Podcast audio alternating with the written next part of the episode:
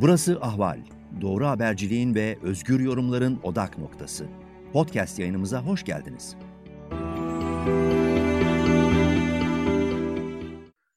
Merhaba sevgili dinleyiciler. Ben Zülfikar Doğan. Gündemi yorumlamak ve gelişmeleri değerlendirmek üzere yine karşınızdayım.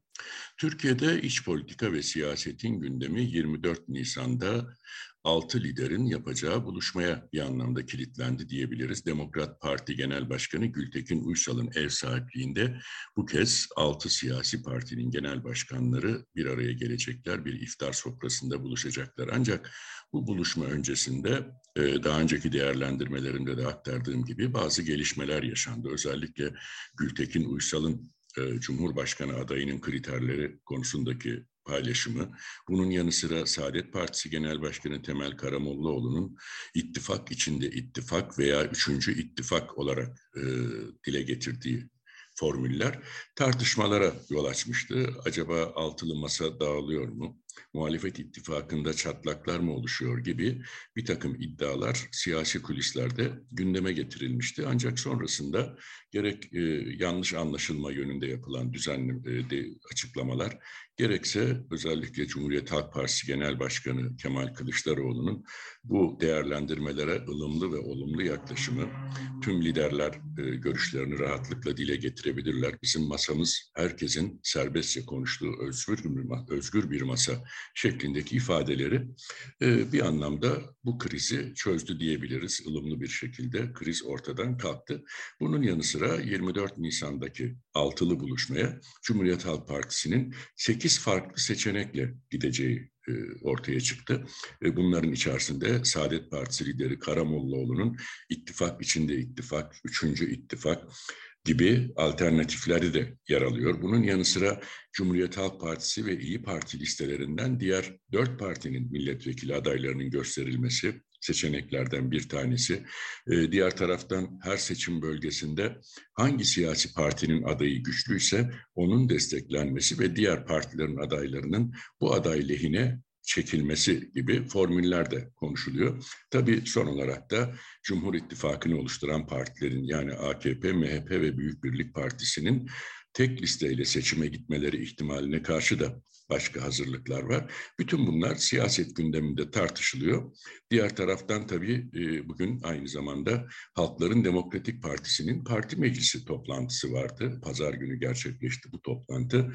E, il ve ilçe kongreleri korona salgını nedeniyle zamanında yapılamayınca HDP'nin büyük kurultayı da e, gecikmişti. Şubat ayında yapılacaktı ancak salgın nedeniyle Taşra örgütünün, ilçe örgütlerinin kongreleri yapılamadığı için Büyük Kurultay takvimi de sarktı. Parti meclisinde HDP eş genel başkanı Mithat Sancar önümüzdeki aylarda yapılacak Büyük Kurultay'ın gündeminin ve takviminin ele alınacağını söyledi. Yine Demokrasi İttifakı çağrısı yaptı ve HDP'nin on binlerle, milyonlarla e, ortaya çıkacağını, daha da güçlenerek bu süreçten yol alacağını dile getirdi. Tabii e, siyasette önemli olan bir başka boyut HDP hakkında açılmış olan kapatma davası. Anayasa Mahkemesi'nde bu dava henüz devam ediyor.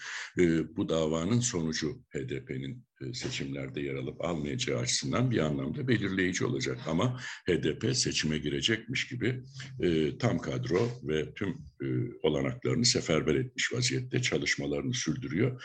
Diğer taraftan Anayasa Mahkemesi'nin gündeminde siyasetin yakın ve orta vadedeki geleceğini belirleyecek bir başka kritik dava daha var.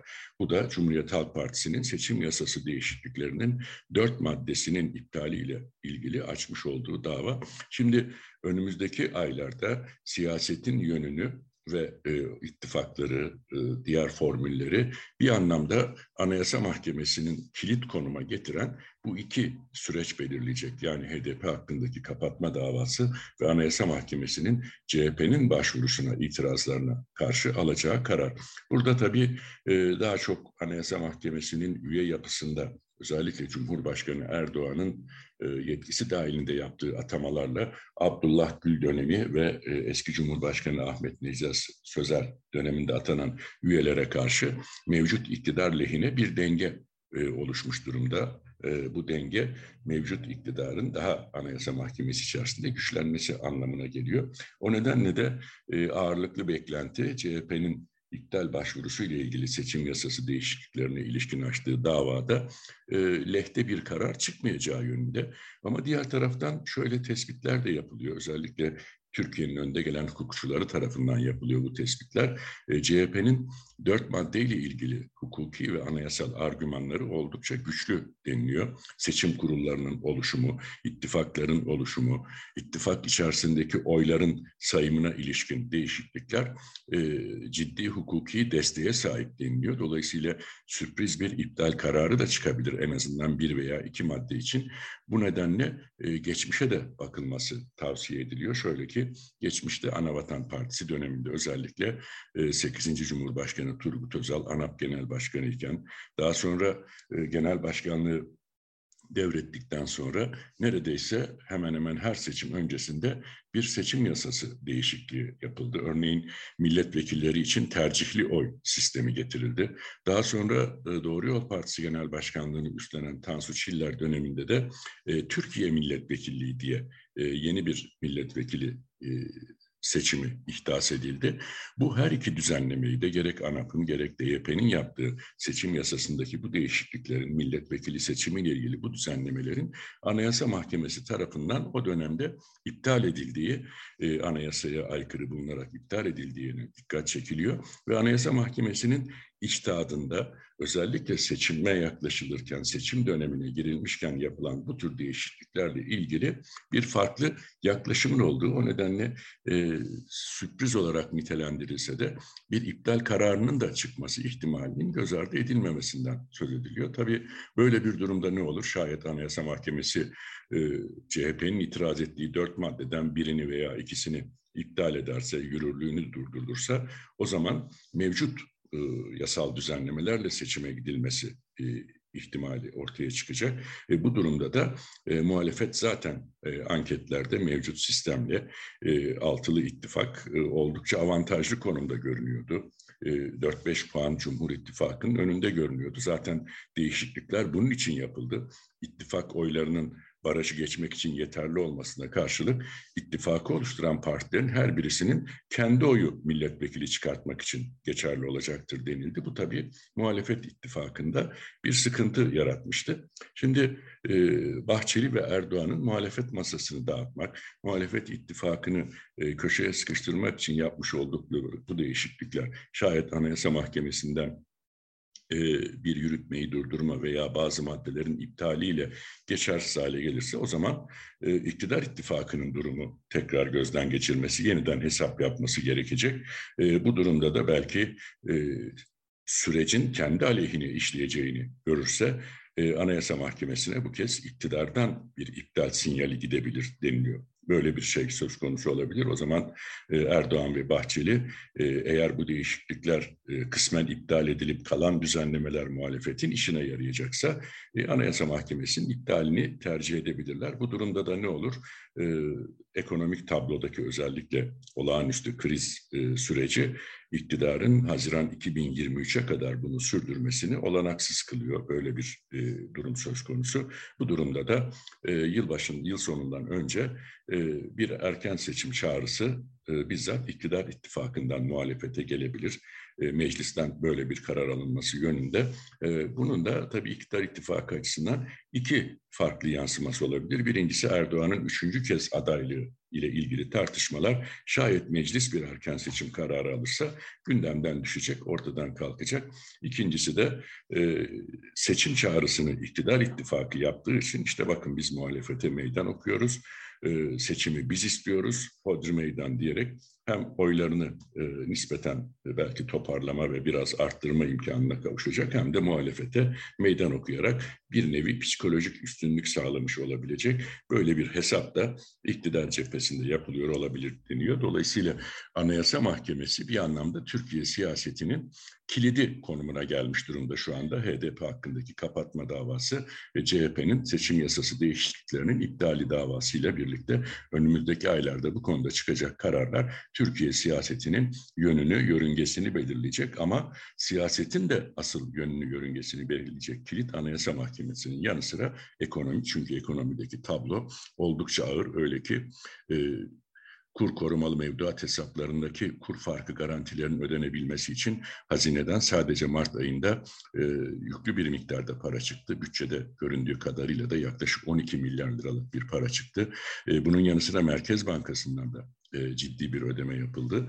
E, şimdi böyle bakıldığında bu ödemelerin sürdürülebilmesi için kurun bir anlamda baskılanması lazım. Daha yüklü bir ödeme yüküyle karşılaşılmaması için e, kurun baskılanması lazım.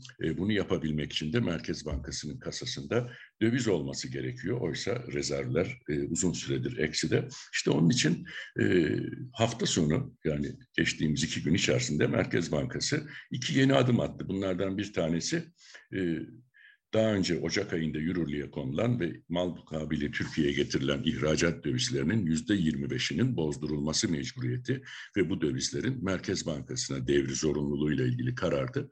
Buradaki oran yüzde 40'a çıkartıldı. 18 Nisan pazartesi gününden itibaren biraz daha kapsam genişletildi. Bu defa turizmciler de işin içine katıldı. E, döviz vardı, döviz geliri olan turizmciler, turizm şirketleri şayet bu dövizleri bozdururlarsa Merkez Bankası'na devretmek zorundalar ve en az yüzde kırkını yine Merkez Bankası'na devredecekler. Tabii bu bir anlamda turizmcilerin ve ihracatçıların döviz varlıklarını e, kendi işletmeleri için, şirketleri için veya yatırımları için kullanabilecekleri dövizlerin yüzde kırkına Merkez Bankası tarafından el konulması anlamına geliyor. 1994 ee, krizinde bu yöntemi Tansu Çiller hükümeti uygulamıştı 5 Nisan kararlarıyla birlikte 5 yıla yakın ihracatçıların dövizlerinin hazineye ve Merkez Bankası'na devri uygulaması yürürlükte kaldı ve 1999'da kaldırıldı. Akabinde iki yıl sonra Türkiye çok ağır bir ekonomik kriz daha yaşadı. 2001 krizi, bankacılık krizi, döviz krizi, faizler olağanüstü artmıştı. 20'ye yakın banka battı. Fakat şimdi deniliyor ki ekonomik krizlerinde 2001 krizinde bile o dönemki hükümet ihracatçının dövizine el koyma yoluna gitmedi. Demek ki şimdi durum 2001 krizinden de daha vahim olmalı ki 3 e, ay önce yüzde 25 olan ihracatçı dövizine el koyma oranı şimdi yüzde 40'a çıkarıldı ve buna turizmciler de ilave edildi. Dolayısıyla e, belki önümüzdeki aylarda bir 3 ay sonra bu dövize el koyma miktarı oranları yüzde 50'ye 60'a daha da üzerine çıkabilir. O zaman ihracatçı, turizmci, yatırımcı iyice önünü göremez hale gelecek. E, dolayısıyla bu noktaya gelinmesinin ardındaki ana neden de iktidarın kendi elleriyle yarattığı kur korumalı mevduat canavarı.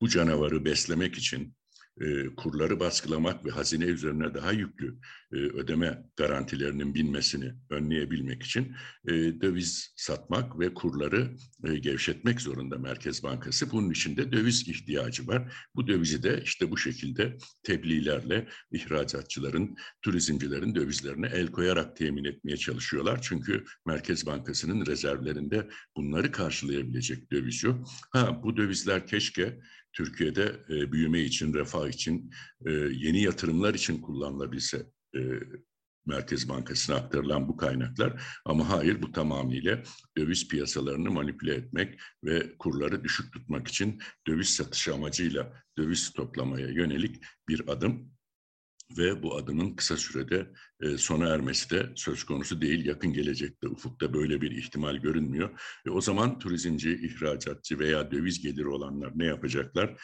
E, kendi varlıklarının neredeyse yarısına yakını kontrolleri dışında kalıyorsa, kullanmalarına imkan verilmiyorsa o zaman ihracatçı e, dövizini Türkiye'ye getirmek yerine yurt dışında tutma yoluna gidebilir e, tartışılan seçeneklerden bir tanesi bu.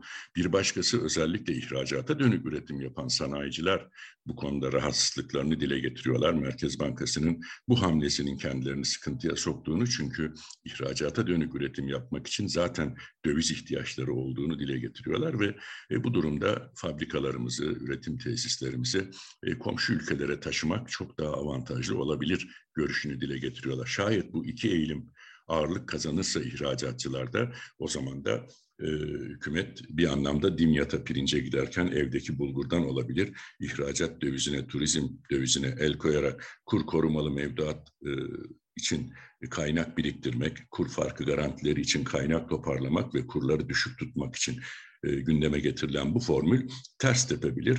İhracatçı dövizini yurda getirmez, yurt dışında tutar veya e, ihraç amaçlı üretim yaptığı tesisini e, komşu ülkelere taşırsa bu sefer Türkiye'nin ihracat dövizi girişleri düşebilir, gerilemeye başlayabilir ki hele e, Ocak-Mart döneminde e, dış ticaret açığı 18 milyar doları aştı. Bu e, beklenmedik bir gelişmeydi. Cari açık ise e, Ocak-Şubat aylarında iki ayda 12 milyar doları aştı. Oysa yeni modelin e, ana felsefesi cari fazla verilmesiydi. Şimdi 12 milyar doları aşan iki ayda cari açık ve 18 milyar doları üç ayda aşan bir dış ticaret açığı karşısında bir de ihracatçı bu şekilde mağdur edilip dövizine el konularak e, ihracat dövizini Türkiye'ye getirmekten kaçınır hale gelirse e, çok daha ciddi bir darboğaz doğabilir ve o zaman da işte size az önce anlattığım e, siyasi senaryo gerçekliğe dönüşebilir ve iktidar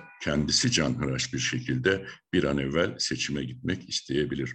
Ankara siyaset ve ekonomi kulislerinde e, tartışılan günün sıcak konuşmaları, gelişmeleri bunlardı. Ben Zülfikar Doğan sizlerle bunları paylaştım. Bir başka yayında tekrar buluşmak üzere. Hoşçakalın.